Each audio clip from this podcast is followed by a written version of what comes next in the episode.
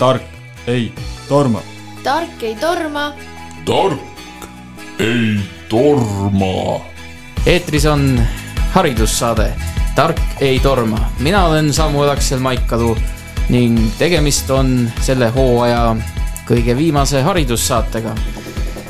mul on hea meel, et äh, siinsamas laua taga istuvad minuga mõned meie enda toimetuse liikmed, nimelt äh, meie peatoimetaja Eeva Nõmme on samuti siin, tere Eeva. tere, tere. ja meil on siia ka tulnud mees, kes tavaliselt rügab, rügab sellist tööd, mis tihtilugu välja ei paistagi. nimelt meie tehnikaspetsialist ja suur juht ja õpetaja Erki Veeveli. tere, tere mul on hea meel, et sinagi oled lõpuks tulnud mõnda saatesse, saame sind ka rohkem tundma. Ja lisaks meile on siin veel Hannes Jukk. tervist.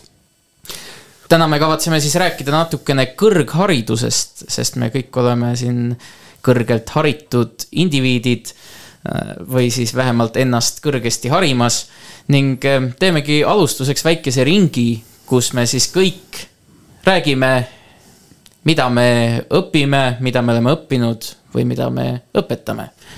Alustame näiteks Eeva sinust. no minu äh, teekond on kulgenud niiviisi, et äh, mina oma erialaks valisin ajakirjanduse ja kommunikatsiooni ja kui gümnaasium lõppes, siis ma õppisin seda kõigepealt siis bakalaureuseastmes, aga ma arvan, et ma pole ainuke, kes on kuulnud lauselõiku, et et see kolm aastat ülikoolis on alles selline poole, poolik haridus ja nii kõlas see ka minu kõrvu. Nii et oli ka selge plaan, et kindlasti teha magistrikraad, mis siis selle suvega sai äh, finišijoone ületatud. nii et äh, jah, see on mu eriala ja, ja see on mu äh, siis senine haridusteekond. Erki, kuidas sinuga lood on? minuga on lood sellised, et praegu õpin bakalaureuseastmes Tartu Ülikoolis. Kaks aastat on käidud, üks veel ees ja erialaks on arvutitehnika. ja eks siis näis, kuidas sellega siin läheb ja, ja, ja edasisi plaane ei oskagi praegu öelda, et, et Eeva küll ütles, et see kolm aastat ei ole nagu veel midagi, aga, aga praegu selget plaani veel selge ei ole, et, et kas edasi ja, ja mis erialal täpselt edasi ja, ja kuidas sellega saab. aga esimeseks eesmärgiks oleks jah, selle kolme aastaga kuidagi, kuidagi ühele poole saada. ja Hannes, sina koguni harid teisi inimesi. tere õhtust, jah. ja ma õpetan Tartu Ülikoolis Matemaatika ja Statistika Instituudis ja üpris laialt, mõnes mõttes äh, on bakalaureuse tudengid äh, a la Erki ja teised, kellele õpetan äh, praktikumides kõrgemat matemaatikat, mõnikord annan ette neile matemaatilise maailmapildi. siis on seal veel mõnikord ühte ja teist. aga teine osapool siis ülikooli töös on seotud matemaatikaõpetajatega ja nende harimisega. ja siis veel on äh, täiendõpped, ümberõpped, äh, mis siis on seotud, näiteks äh, see ümberõpe tähendab seda, et võib-olla bioloogia, keemia, füüsika, inglise keele õpetaja, kes põhikoolis õpetab juba praegu, tal on õpetajakraad olemas, töökoht on olemas, aga leiab, et Äh, näiteks äh, töötab mingis äh, maakoolis. järgmine kaugem kool on võib-olla kolmkümmend kilomeetrit, on ebamõistlik koormust teisest koolist juurde saada. aga matemaatikaõpetajaid on puudu ja siis võtabki endale lisatunnid matemaatika alalt. et ja nendele siis toimuvad ümberõppekursused, kus kahe aasta jooksul neid siis äh, saab vuntsitud, et võiksid põhikoolis õpetada. ja noh, natukene saab siin äh, tegeleda veel äh, koolist väljapoole, sel kevadel toetasime keskkooliõpilasi, et neil oleks mugavam gümnaasiumiõpet lõpetada, oli ettevalmistuskursus. lisaks on siis veel täiendkoolitused õpetajatele või mingid seminarid, konsultatsioonid, värgid. sellised erinevad liigutused siis. kuna tegemist on haridussaatega, siis eeldatavasti see pakub huvi just esmalt pedagoogidele ning loodetavasti mõni neist on eksinud ka meid kuulama, nii et Hannes, kuidas erineb siis ühe ülikooli pedagoogi töö siis ähm, sellisest keskkooli, põhikooli, algkooli õpetaja tööst? Äh, jaa, see on hea küsimus ja ähm, võiks niimoodi öelda, et mul on tegelikult üpris hea võrdlusbaas. et esimesed kaks aastat ma õpetasin Põltsamaa koolis ja tegelikult äh, on muidugi ebaaus võrrelda, sest see oli eelmise sajandi lõpus. ja ma arvan, et, äh, et siis oli usinaid õpilasi toredasti koolis mitte, et neid praegu ei ole. ja seejärel oli Treffneri kool Tartus neli aastat ja no seal juba rikuti mind ära mõnevõrra, aga võib-olla oli see ettevalmistus ülikooliks. ei pidanud kuigi palju taga ajama kedagi. Üpris iseseisvad noored. Kui oli arvestuste tegemise päev, siis nad olid valmis kui ei olnud, noh, siis anti neile nii-öelda lenduri paberid või peagi kätte. juhtus ka seda selles koolis. ja siin siis äh, kutsuti ülikooli tööle ja aastast kaks tuhat üks äh, sügisest siis on, olen sellega seotud. ja muidugi noh, ülikool on selle koha pealt muidugi tore koht, et äh, tunnidistsipliiniga kuigi palju probleemi ju ei ole. Ma ei tea, kuidas on äh, siin äh, teil, aga võib-olla juristid või ajakirjanikud lähevad äh, rohkem särtsu täis, aga matemaatikatundides äh, tavaliselt äh, ülisuurt elevust ei ole tagumisteski pinkides, et äh, õppejõud äh, saab suhteliselt äh, hea kõrvakuulmise säilitada pikemaks ajaks. jah mina olen siis see, kes äh, praegu seal juristide rida, ridades tudeerib. meil on ikka selles mõttes äh, tavaliselt on kaks või kolm õpilast, kes lähevad elevust täis ja, ja siis äh, kõik teised elavad neile kaasa või naeravad nende üle ja, ja, ja siis niimoodi see käibki, et ma ei tea, kuidas teie kogemus on olnud no mulle tundub, et meie erialade üks suure, suuri erinevusi on see ka, et kui palju kursusel osalejaid on ja kui suured need kursused üldse on. et äh, ajakirjanduses on ikkagi ka aineid, kus on grupis päris väike arv inimesi ja seal peabki igaüks päris aktiivselt osa võtma, et sellest tunnist üldse asja saaks, et äh, ja noh, loomulikult ka erialade erinevus, et äh, kui matemaatikas äh, tehe peab välja tulema, sest et muidu on vastus vale, näiteks noh, äh, aga, aga ajakirjanduses on siis nii, et ei ole otseselt vale vastust, vaid peab olema lihtsalt äh, mõistetav argumentatsioon. nii et jah, meil on seda kära päris kõvasti, aga eks see tuleneb ka erialast.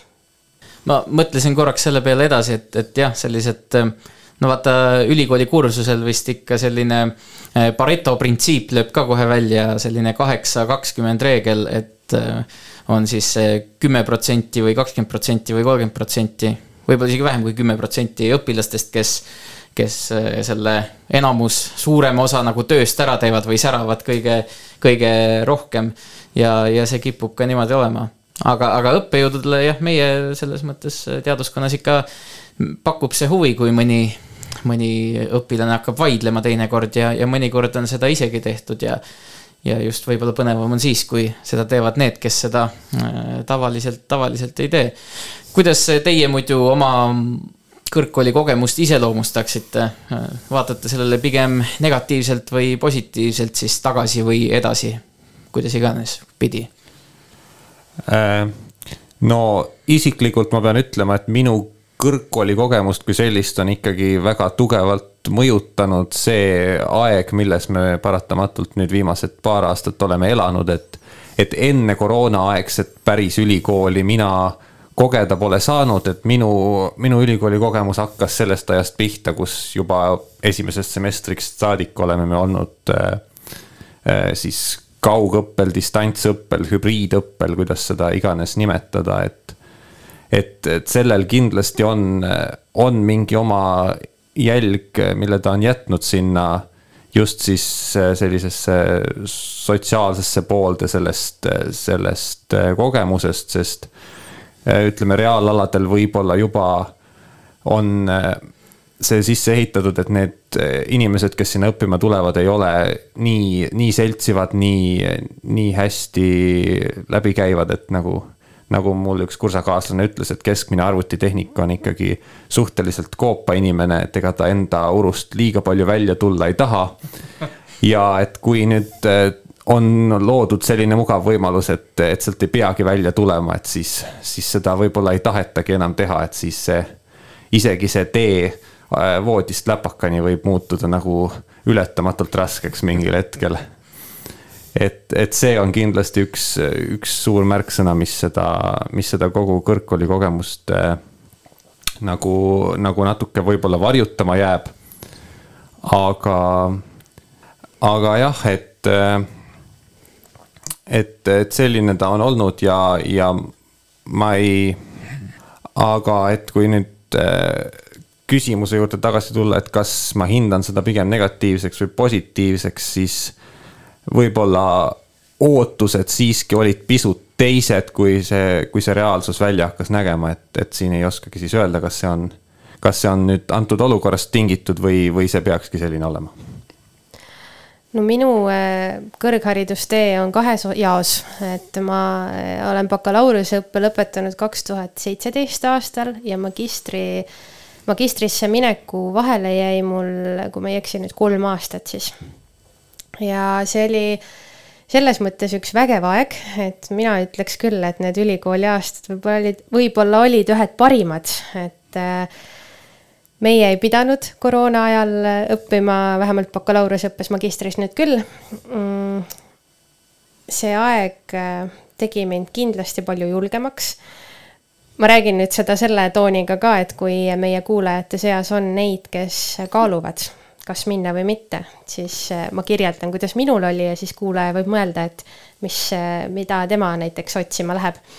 et mind tegi see kindlasti julgemaks, äh, avas selliseid uksi, mida ma ei oleks muidu iial osanud isegi, millele ma ei oleks osanud koputada, et minu näiteks esimene tööandja oli ka minu üks valikaine õppejõududest, kellega ma muidu paratamatult poleks kunagi ka võib-olla kohtunud. ja lisaks see noh, mingit pidi avas mulle ka arusaamisi, kuidas üldse meie siin ühiskond, erinevad organisatsioonid, inimsuhted toimivad, nii et see oli, äh, ma ütleks, et äh, elu muutev Hannes, kas äh, on siis need reaalteaduste inimesed sellised koopa inimesed, omaette hoidvad introverdid või on see alatu laim? võib-olla tõesti, et et osad arvutiinimesed seal praegu tunnevad omas äh, arvutiruumis äh, täiesti mugavalt, et, et äh, alles äsja oli näiteks äh, lõpuseminar pärast äh, äh, seda koolipraktikat. Ja siis oli tõesti näha, et et võib-olla need, kes olid äh, matemaatikaõpetaja suunitlusega inimesed, nemad olid kas siis kabinetis või toas oma arvuti taga. aga üks arvuti inimene, tema oli toredasti endale ilmselt kuskile keldrisse ehitanud arvutiruumi, kuhu siis ta üksinda oli sisse läinud ja et see oli tõeliselt madal, tõeliselt koobas. teine jällegi äh, arvutiinimene oli hoopiski toredasti oma telefoniga ja arvuti taga või selle auto rooli taga põhimõtteliselt noh, et äh, siis, kui ta pidi ise rääkima hakkama, siis ta jättis auto seisma. aga muul juhul ta lihtsalt sõitis. nii et äh, see tegelikult toob kaasa, et äh, tänapäeval sa igal pool öö, oma asju ajada. nüüd tulles juurde, tagasi selle teema juurde, et kas siis reaalteaduse inimesed, noh, mõnes mõttes õpetajad on natukene, isegi reaalainete õpetajad on sotsiaalsed inimesed tegelevad inimestega ja õpetavad, räägivad, suhtlevad lapsevanematega ja nii edasi. et nii ka ülikoolis, et on meil seda suhtlemist omajagu ja mõnes mõttes esimene hetk, kui see Covidi laine läks käima ja, ja siis oli ju lühikest aega, kus ei toimunud praktiliselt midagi. kõik suunati kodudesse, heal juhul saadeti kirjalikud ülesanded, lugege seda, tehke seda, on ju. peaaegu ei mäletagi me seda hetke enam. aga siis hakati nuputama, et äh, aga kuidas veel saab. ja tegelikult rahvas oli väga leidlik ja sellel hetkel siis äh, läksid äh, ka meil erinevad sotsiaalse suhtlemise vahendid käima. et olid siis, osad elasid Messengeris, osad kuskil mujal. tunde tehti näiteks selliselt, et telefon kinnitati laua kohale.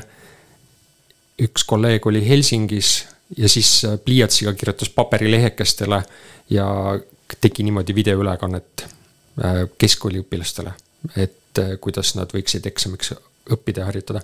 teine, mina isiklikult tegin nii, et mul oli pabervalge või valgete äh, paberitega see tahvel liikuv on ju.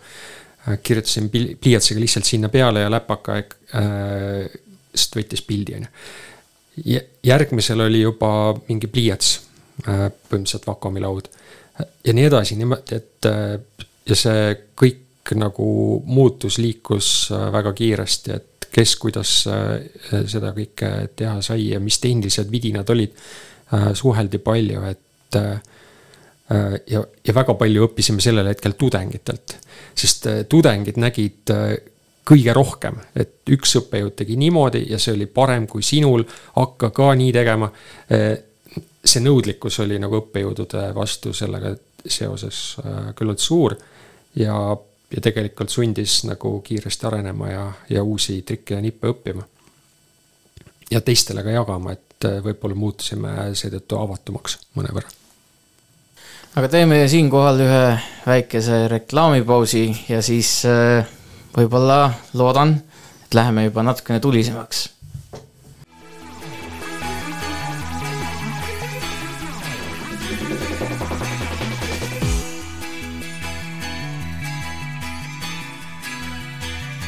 tark ei torma. tark ei torma. tark ei torma. ja tere tulemast tagasi, jätkuvalt on käimas haridussaade Tark ei torma. mina olen Samuel Aksel Maikalu, kes siin täna siis esineb juuratudengina. siin on äh, värske ajakirjandusmagistrant Eeva Nõmme. magister. magister, magistrant on see, kes õpib. okei okay,, ja siis tema on magister, selge ja Erki Veeveli, kes siis äh, õpib bakalaureuseõppes arvutitehnikat ja õppejõud Hannes Jukk, siis äh, matemaatika õppejõud täpsemalt. jah. Erki, sa enne saate algust äh, mainisid, et üks oluline teema, millest rääkida võib-olla sellisele inimesele, kes praegu kaalub seda, praegu on selline sisseastumiste periood ka või, või nende taotluste esi, esitamise periood sa mainisid, et peaks rääkima sellest, et, ähm, et üks asi on sinna sisse saada ja seal saab igast imetrikke teha, et kuidas seal nimekirjas saada ülespoole või üldse seal konkurentsiväliselt sisse saada. aga teine palju raskem tükk, millest ähm, nii väga ei räägita, on see, et kuidas seal sees üldse püsida, et äh, mis sul selliseid mõtteid siis tekitas? no selliseid mõtteid ongi tekitanud see, kui sa tegelikult seal keskkonnas või seal ülikoolis sees olles äh, näed, et, et äh, kui palju siis tegelikult äh, neist sisseastujatest näiteks esimese aasta lõpus sinna alles jääb. et see on, see teema on kindlasti väga sügav ja siin me võime jõuda välja lõpuks kõrghariduse rahastamise ja, ja kõige, kõige selle juurde välja.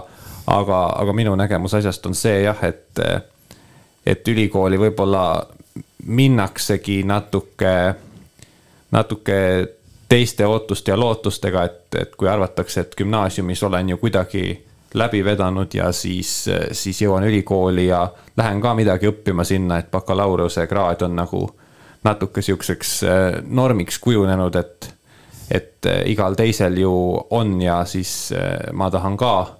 Aga siis kohale jõudes nagu saadakse aru, et tegelikult eh, ei olegi nii lihtne, et tegelikult nagu siin peab reaalselt õppima, et siin ei saa õpetajale ilusat nägu tehes nagu kuidagi, kuidagi ennast läbi vedada. et, et kui ma isiklikust kogemusest nüüd toon, et arvutitehnikasse võetakse iga aasta vastu viiskümmend esmakursuslast. Nendest praegu teise aasta lõpuks on nagu julgelt äh, üle poole kadunud. ja ma võin öelda, et see kevad lõpetas arvutitehnika üheksa siis värsket bakalaureusekraadi omanikku, et see tähendab, et alla viiendiku on tegelikult neid, kes reaalselt põhimõtteliselt seal diplomini jõudsid. see on vist selline reegel või võib öelda, et enamus erialadel enamus ei lõpeta? mina peaksin jällegi siis siinkohal vastu vaidlema, et äh, sellist väljalangevust näiteks ajakirjanduses ei olnud. aga jällegi, nii nagu ma ka. me ütlesime enamus. jah, aga ma toongi siis teistsuguse näite, et äh, näiteks ajakirjanduse ja kommunikatsiooni erialal äh, oli küll väljalangevust, aga mitte nii suure kaaluga, aga noh võib-olla see jällegi iseloomult ja oma humanitaar, see on ikkagi niisugune sotsiaalteaduste valdkond, on ju, et äh, et see oligi lihtsalt teise iseloomuga õpe ja võib-olla ei, ei olnud siis nii nõudlik või ma ei, muidugi mitte, ma ei taha maha teha nagu kuidagi sotsiaalteadusi, et seal on ka oma sellised äh, keerukused, aga kui inimtüübina juba sinna sobid, siis äh, seda lõpetada on äh, suured äh, šansid. Eeva, võib-olla sa saad täiendada hoopis sel teel, et e, ja vaielda vastu, et kui sa astud ajakirjandusse, siis kui suur on konkurss ja teiselt poolt, kui astud reaalteadusesse, kui suur on seal konkurss. kui sul on võib-olla ma eksin, aga konkurss on suurem, äh, valikusõel on tihedam ja kui sa sealt sõelast oled juba läbi pugenud, siis sa poed sealt äh, kooli teelt ka läbi. aga matemaatikas äh, võib-olla see sõel nii tihe ei ole, et siis sinna julgevad mõnikord tulla julged inimesed, aga teadmisi nii palju polegi no aga ega enamus neid poolelijätjaid ei jätagi sellepärast otseselt poolelt, pooleli, et nad siis halbade tulemuste pärast sealt ülikoolist välja visataks või midagi. see on otsus, mille, mis ühel hetkel tehakse. tavaliselt neid kõige rohkem langejaid on just esimesel aastal, kus otsustatakse, et see asi ei ole ikkagi minu jaoks ja, ja et mulle ei meeldi ja ma ei talu seda pinget ja nii edasi ja nii edasi ja mujal on rohi rohelisem no ma võiksin öelda, et selliseid väljalangejaid on ka ajakirjandus- ja kommunikatsiooniõppes, kes pärast esimest aastat saavad aru, et see pole neile. aga ma võib-olla tooksin, ma, ma olen nõus selle Hannese toodud näitega, et see sõel tegelikult on päris tihe ja ka minu enda tutvusringkonnas on küll ja veel neid, kes vähemalt esimese katsetusega ei saanud sinna erialale sisse aga teine ja väga oluline komponent selle juures on see, millest me ka enne kõnelesime, et kui Erki tõi näite sellest, et võib-olla äh, võib-olla reaalerialadel ei toimu nii suurt äh, sotsialiseerumist, olgu see siis iseloomujoonte või millegi muu poolest, siis äh, vähemalt minu valdkonnas oli väga suur grupivaim äh, või selline kambavaim, ütleme siis nii. ja see on üks väga oluline argument ka sellest, et sa ei taha maha jääda sellest nii-öelda karjast et sa tahad seal kaasas püsida ja isegi kui on juba hirmus raske, siis äh, tahad sellesama hooga ära teha, et võib-olla kui oleks rohkem niisugune üksinda pusija, siis ei tekiks seda õlg õla kõrval tunnet ja võib-olla mingit pidi ka üksteise abistamist ja taganttõukamist. no päris sellega nüüd nõus olla, et reaalteadustes üldse mingit äh, kambavaimu ei ole nüüd äh, ka ei saa olla, et, et eks ikkagi samamoodi matemaatikaeksamiks õpitakse ka ju koos ja, ja aidatakse sõpradel ja kontrollitakse üksteise lahenduskäike ja nii edasi. aga, aga jah, et mingi, mingi mõttetera seal ilmselt võib sees olla, et, et et sotsiaalteaduste inimesed võib-olla kuidagi hoiavad seal rohkem kokku ja, ja kuidagi see kambavaim tõesti on tugevam, sest et enda kursusel, kui ma isiklikult pean ütlema, siis on see nagu keskmisest nagu eriti, eriti madalaks osutunud, et, et meil nagu mingit sellist väga tugevat kursuse vaimu välja ei ole kujunenud, et ma ei, ma ei oskagi öelda, miks see nii on ja võib-olla ma siis äh, selle koha pealt olengi nagu natuke pessimistlik selle, selle kõige, selle asja osas no mina ei julgeks küll siin mingisuguseid põhjapanevaid väiteid nüüd esitada, sest igalühel on no oma kogemus, see perspektiiv, millest lähtuvalt ta räägib, aastakäigud on erinevad, noh, seal on juhus, on ju, et milli-, missugused inimesed sinna kokku satuvad ja ja kõik sellised asjad. aga mida ma näinud olen äh, ja rääkinud äh, ja näinud seda just väga erinevate nagu teaduskondade inimeste põhjal, et see esimese aasta väljalangemise või poolelijätmise fenomen, see on nagu küll kõva. ja tavaliselt see argument ongi siis sealjuures see, et, et vaata, see asi pole ikkagi minu jaoks. nagu ega tegelikult see on noh see on nagu mingi müstifitseeritud äh, asi kuskil, mis on minu jaoks olemas, minu mingi hinge sugulusteema, mis siis äh, tuleb ja, ja, ja ongi kuidagi taevalikul kombel täiesti nagu minu, minu jaoks selles mõttes õige, see on, see on pigem noh mingisugused juhused teinekord, et alguses noh, raske on kodust välja minna ja ei taluta seda pinget. ega mina ka mõtlesin esimesel aastal, et, et võib-olla jätaks pooleli, päris tõsiselt kaalusin seda. aga näed, selles mõttes pidasin vastu ja, ja ma võib-olla siinkohal siis soovitan ka inimestele, kes, kes seal mõtlevad, et jätaks pooleli, et võib-olla pole minu jaoks, et võib-olla selles mõttes tasub ikkagi natuke, natuke aega, aega vastu pidada. Ma toetan seda mõtet äh, tõepoolest, et äh, see esimene aasta on ilmselt ülikoolis kohe natukene välja mõeldud selleks, et, et äh, rehitseda sealt paremad tükid ja palad välja. aga, aga teistpidi on see, et ega esimese kursuse baasainete pealt sa ei saa ka tegelikult väga selgelt aru mis äh, sinust saab, mis on sinu tulevane amet, äh, mis tööd sa hakkad tegema, kuidas sa saad seda kõike täpselt ära kasutada. Äh, võib-olla sulle õpetatakse mingisugust kirjaoskust, sind lihvitakse natukene mingil kombel, et sa selle järgnevaga mm, sujuvamalt hakkama saaksid. ja alles seejärel sa hakkad äh, aduma, et äh, mis ameti peale võid äh, sattuda ja, ja kuidas sa saad oma sealhulgas esimese aasta õpitud aineid kasutada. üks tuttav oli tegelikult arvuti poole peal just rakendusmatemaatika oli sellel ajal ta.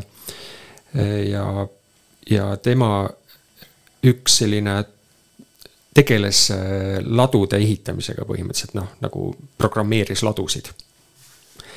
ja tema üks selline koht oli, et äh, tead, ma pidin ühel hetkel võtma lahti oma esimese kursuse matemaatilise analüüsi konspekti, sest ma sain aru, et ma ei suuda enam nagu paremini teha, kui ma ei ole uuesti Taylori ridasid läbi vaadanud et kuna nad koonduvad, millal ei koondu, mida ma teen, kui mul on hõre maatriks, tihe maatriks.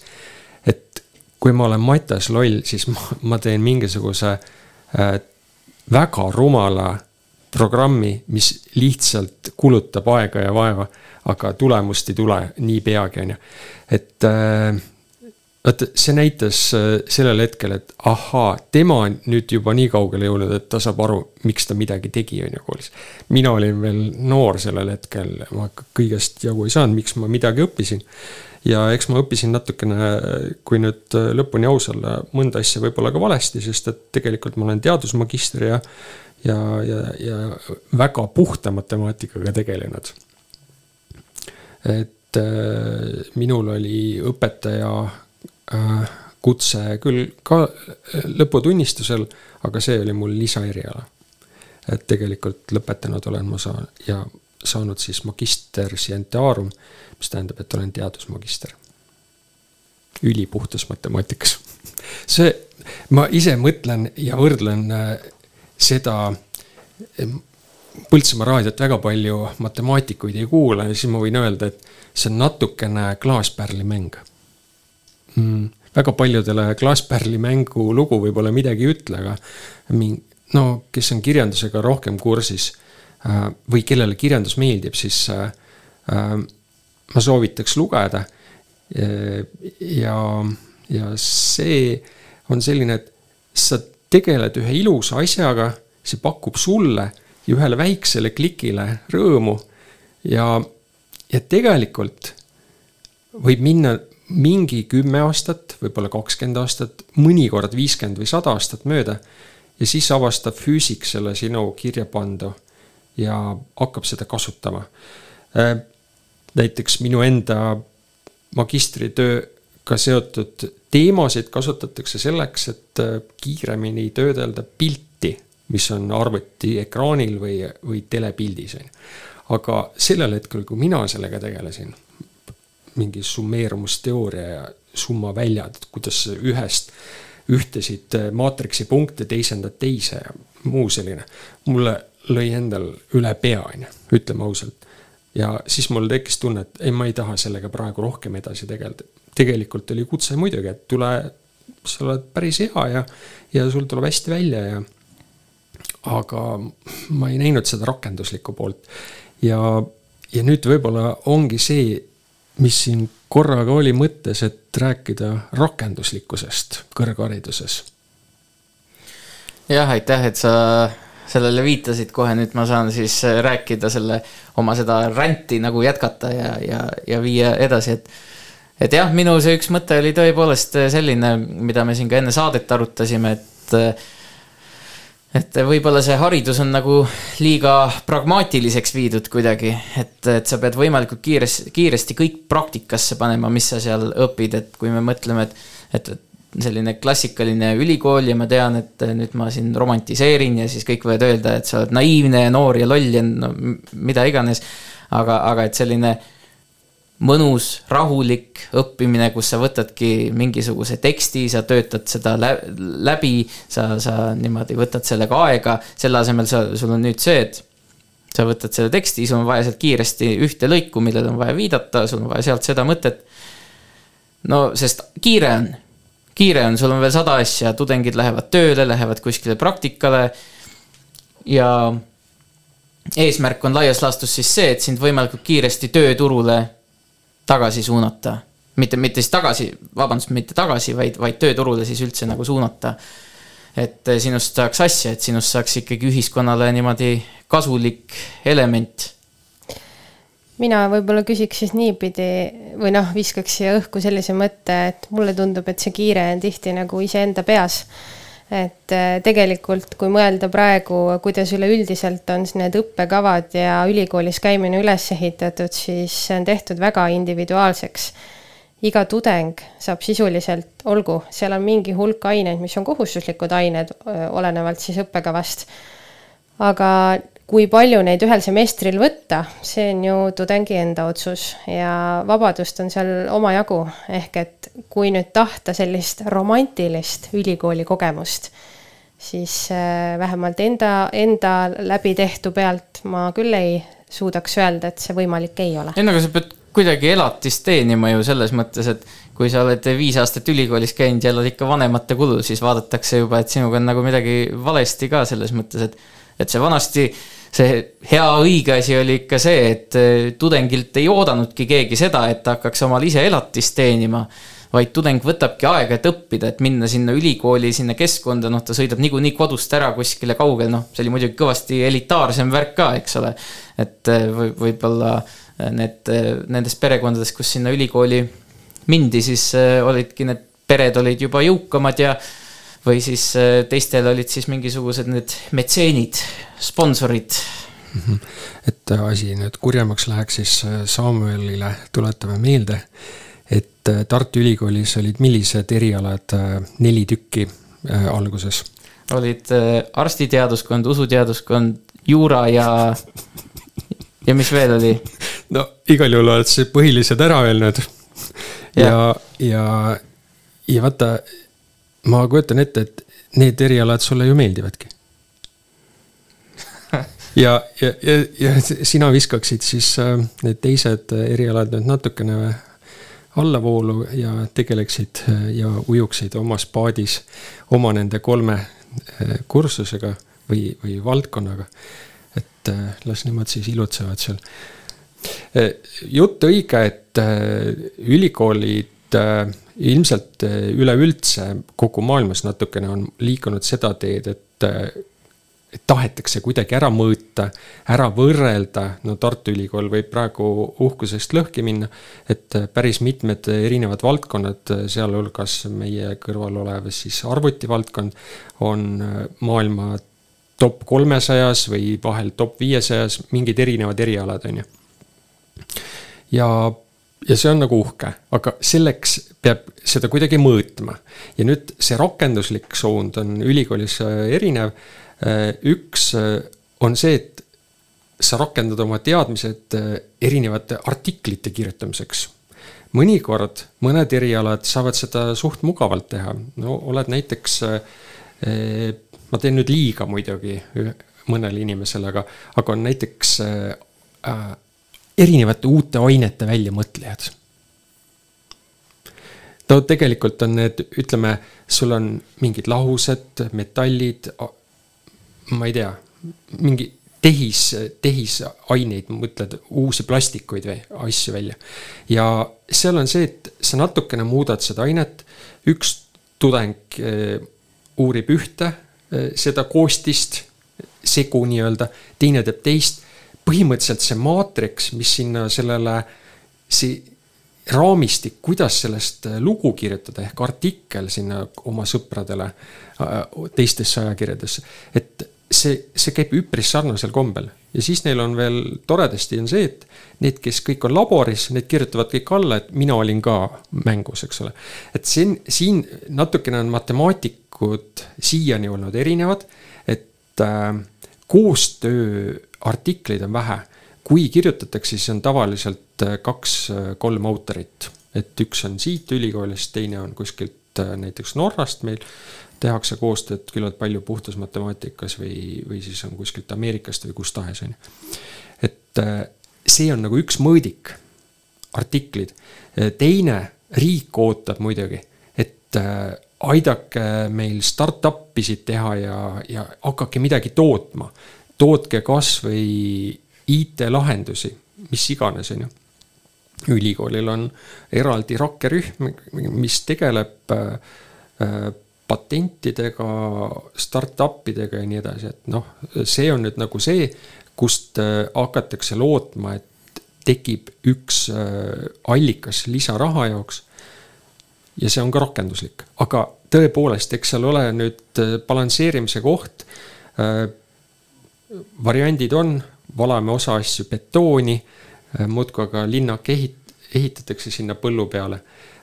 teine variant on see, et et sa tegeled siis nende rakendustega ja, ja, ja vaatad, et kuidas sa siis firmasid saad püsti panna, et, et sealt hakkaks see raha tagasi teenima. nii et äh, ülikoolil on noh, mõnes mõttes on ta omaette väike riik, mis püüab äh, loomulikult äh, sellest Eesti Vabariigilt rahasid saada ja teenida äh,. ja, ja ta tahab tegeleda ka kahe asjaga, klaaspärli mänguga, teha seda puhast kunsti, ilu, filosoofiat ajada taga, seda on ka vaja aga teistpidi on siis äh, tõesti vaja tagasi anda. no aga palju seda klaaspärli mängu siis on selles mõttes, et see noh, näiteks nende teadusartiklite loomine on, on ka selline, see on nagu tootlus juba selles mõttes, et, et äh, just siin ühe teadusajakirja toimetaja ütles kuidagi, et kui veel nõukaajal oli oli selline komme, et kui ma kirjutan teadusartiklit, siis selle mõte nagu seisnebki selles, et mul on midagi huvitavat päriselt öelda ja kellelgi on seda huvitav lugeda. aga nüüd on niimoodi, et sul on nagu tarvis mingisugune sõnade arv on vaja kokku saada, sul peab seal olema seal kuskil süsteemis ka märge, et sa oled nii mitu teadusartiklit kirjutanud ja siis sa oled nagu tehtud minu akadeemik siin jutus jääb kõlama kuidagi, et see on, see on mingi olukord, milles me kõik oleme ja millele me peame alluma, et lõpuks on iga akadeemilise pereliige ju iseenda eest vastutav ja kõik, mida me välja anname, on mingit pidi meie nagu äh, looming, et äh, eks see ole siis igaühe vastutada, et see, mida me välja anname, oleks võimalikult kvaliteetne, et noh, võib-olla minu mõte siin on liiga idealistlik, aga ma küll ei tahaks arvata, et äh, et see on mingi kuri, no lihtsalt okei okay,, lähtume siis sellest, et inimene on üks mugav olend, et ta proovib täpselt nii lihtsalt läbi saada, nagu see võimalik on, et kui selle vastu iseenda sees võidelda, siis tegelikult tuleb seda kvaliteeti ju, igaüks peab ka seda ise taga ajama, et kes see siis on, kes ütleb meile, et kirjuta nüüd väga hea artikkel või naudi romantiliselt oma ülikooli aega, et see võimalus tuleb endale ise välja mingit pidi võidelda või siis tekitada ei no seda muidugi, see on nagu hea soovitus kõikidele, kes sinna ülikooli lähevad, aga me nagu pigem üritame mõtestada seda laiemat probleemi, mis siis on nagu sinna ülikooli, ma ei tea, kultuuri või, või süsteemi siis nagu sisse imbunud. Saamuel, sa tõid siin arutelu alguses sellise mõtte kuidagi, et, et kas ülikooli peab minema igaüks või kuidagi, ma ei tea, mul, mul jäi niisugune mõte kuidagi meelde või kõlama, et siis kui võtta nüüd see kuidagi veel siia arutellu, siis mina arvan, et ei pea, et see ei ole mingisugune sotsiaalne norm või et selleks, et seltskonnas põnevalt vestelda, ei pea olema taskus äh, ülikoolikraad. Ma olen küll mõelnud seda niipidi ja olles mingites erinevates seltskondades, siis vahel jääb küll tunne, et et äh, osade inimeste jaoks see on justkui mingi standard või et äh, noh, mis siis pärast äh, keskkooli ikka teha, et ikka ülikooli, aga mulle tundub ka natuke niipidi, et see trend on nüüd muutumises ja järjest rohkem hakatakse vaatama ka kas kutsekoolide suunas või, või mingite selliste rakenduslike täiendõppevormide suunas, et see on väga lahe. ja noh, eks, eks see tööturu küsimus, mis äh, võib-olla ka kõrgharidust on praktilisemaks muutunud, muutnud, on äh, mingit pidi võib-olla tegemata töö siis nendes kutsekoolides äh, pikalt olnud, et miks neid ei valita esimese valikuna. et mingit aega nad ei kandnud võib-olla sellist mainet välja nagu, et, et neid, et need oleksid osutunud esimeseks valikuks aga mul paistab kuidagi kõrvalt vaadates, et see pilt hakkab paranema, et ei, ei ole tingimata see, et, et endale prestiižset kohta saada, et selle eelduseks ei ole ülikooli paber. üks mõte siia juurde veel, et äh, Tartu Ülikoolis ja Tallinna Ülikoolis, ma arvan, et Tehnikaülikoolis ka, et on olemas selline inimesed tänavalt võivad tulla õppima ülikooli valitud kursuseid ja selleks on siis niinimetatud mikrokraadi kursused. et äh, sa saad äh, tegelikult ja nüüd sa saadki selle rahalise kursuse kätte ja, ja paned endale sellise paki kokku, see ei ole nüüd äh, selles mõttes väga vaba, et liiga palju neid kursuseid välja ei pakuta. aga, aga sul on siiski võimalik teha siis oma valik et sa tahad olla andmeanalüütik ja siis sa tahad olla veel natukene juuras tubli ja siis sa saad majandusest ka midagi. ja sa teed, ütleme, et sul on oma firma ja, ja sul ongi teatuid asju vaja. ja, siis sa lähedki Tartu Ülikoolis ja õpidki täpselt seda, mis sul on tarvis. teed need baasteadmised selgeks. kusjuures ma mõtlesin siin ise oma peas, et äh, see ühiskond, kus oleks sellist mõnusat seda õppimist siis rohkem, kus sa millegi muuga ei tegelegi, et sa lähed täielikult sinna ülikooli maailma niimoodi sisse, et see peakski olema ikkagi siis nagu palju elitaarsem ühiskond, et tõenäoliselt tänases, tänases ühiskonnapildis, kus äh, meil on nii palju inimesi ülikoolis, siis äh, see ei olekski ju, ei olekski ju selles mõttes võimalik ja, ja noh, kas me just tahame sinna elitaarsesse ühiskonda niimoodi minna või suunduda, vot, vot selles ma ei ole kindel. aga võib-olla ongi siis selles mõttes selle kõrghariduse roll on muutunud, et, et see on ka mõnes mõttes rohkem siis selline formaalsus teinekord, et sul on noh, mingi paber käes on ju, igaüks otsustabki, kui palju ta sealt ise mida kaasa võtab, kui palju ta mingis tudengi seltsielus kaasa lööb või nii. aga siis ikkagi, et, et siis mõnusalt õppida või, või mingisuguste teostega niimoodi päriselt aega veeta koos, eks see on siis igaühe enda kätes ja mitte siis üldsegi ülikooli raames, vaid, vaid üldse selles, et kuidas ta enda elu ise korraldab, mida ta oluliseks peab ja kas ta võtab seda aega endale. ja minu arvates see on väga tore, et see nii on, et mina ei kujutaks ette, et ma täiskasvanud inimesena pean äh, jätkama sellist äh, ma ei tea, mingit pidi nagu näpuvibutuse all tegutsemist, et mulle meeldib see vabadus ja sellega kaasnev vastutus. Erki, sa oled kole vait jäänud, kas see arutelu on sinus ka mingisuguseid mõtteid tekitanud?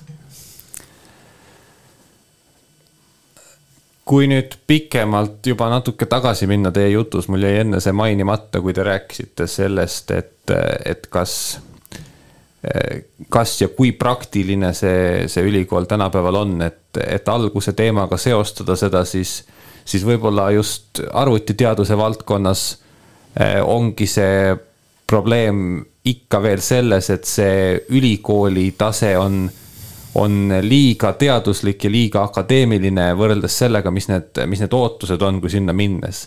et tegelikult arvutiteadus kui selline ja, ja, ja programmeerija amet ei ole nagu, nagu päris üks ja sama võib-olla, mida, mida laiemalt arv, arvatakse ja mis nagu, mis on juurdunud, et, et kui ülikoolis äh, selle eriala nimi ongi informaatika või, või arvutiteadus, siis, äh, siis selle suunitlus peakski olema ju teha seda, seda teadust ja, ja seda nagu valdkonda edasi viia, mitte, mitte masskoolitada tööjõudu seda tegema, et, äh, et see võib ka olla nagu üks põhjus selle taga, miks, miks nii paljud selle, selle pooleli jätavad, nagu ma, nagu ma enne mainisin, et, et see ootus äh, oli saada kiirelt vajalikud teadmised ja minna suurt palka teenima, mitte, mitte selles valdkonnas nagu päriselt midagi, midagi uut luua.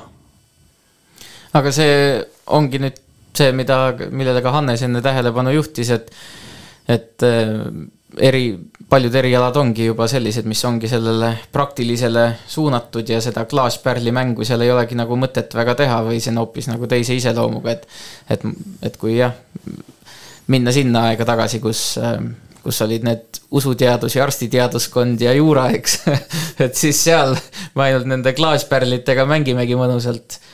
aga, aga tõepoolest, et et see tänane olukord on siis eh, teine. kuulge, aga tõmbame siinkohal sellele jaate, eh, saatele joone alla, me oleme siin juba omajagu pläkutanud.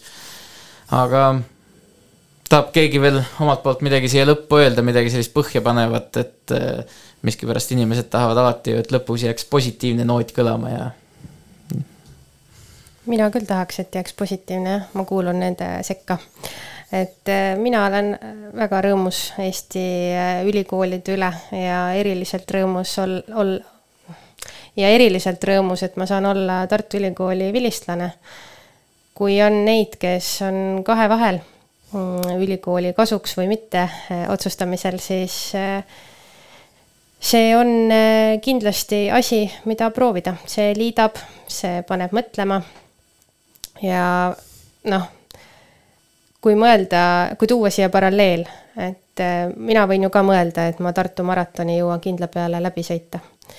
aga ma ei saa seda enne teada, kui ma ei ole seda rada läbi teinud, et ma tooksin siin paralleeli ka ülikoolis käimisega mingit pidi. et see on äh, üks selline teekond, äh, mille erinevaid tahke ja nüansse, läbielamisi ja vägagi pingutavaid hetki tuleb ise kogeda ja need vastu pidada, et siis mõista kuidagi seda äh, kas siis rakenduslikku poolt või, või vägagi teaduspõhist suunda paremini ja lõppude lõpuks, miks me siis üldse siin kõik koos oleme ja mõtiskleme, et ikka selleks, et paremini siin elust meie ümber aru saada, et minu arust ülikool on selleks väga tore väljund. no aga mehed on vait ja, ja lõppsõna sai öeldud, aga te kuulasite saadet Tark ei torma. siin olid Samu Läksel Maikalu, Eeva Nõmme, Erkki Veeveli ja Hannes Jukk, aitäh teile saatesse tulemast. tark ei torma. tark ei torma. tark ei torma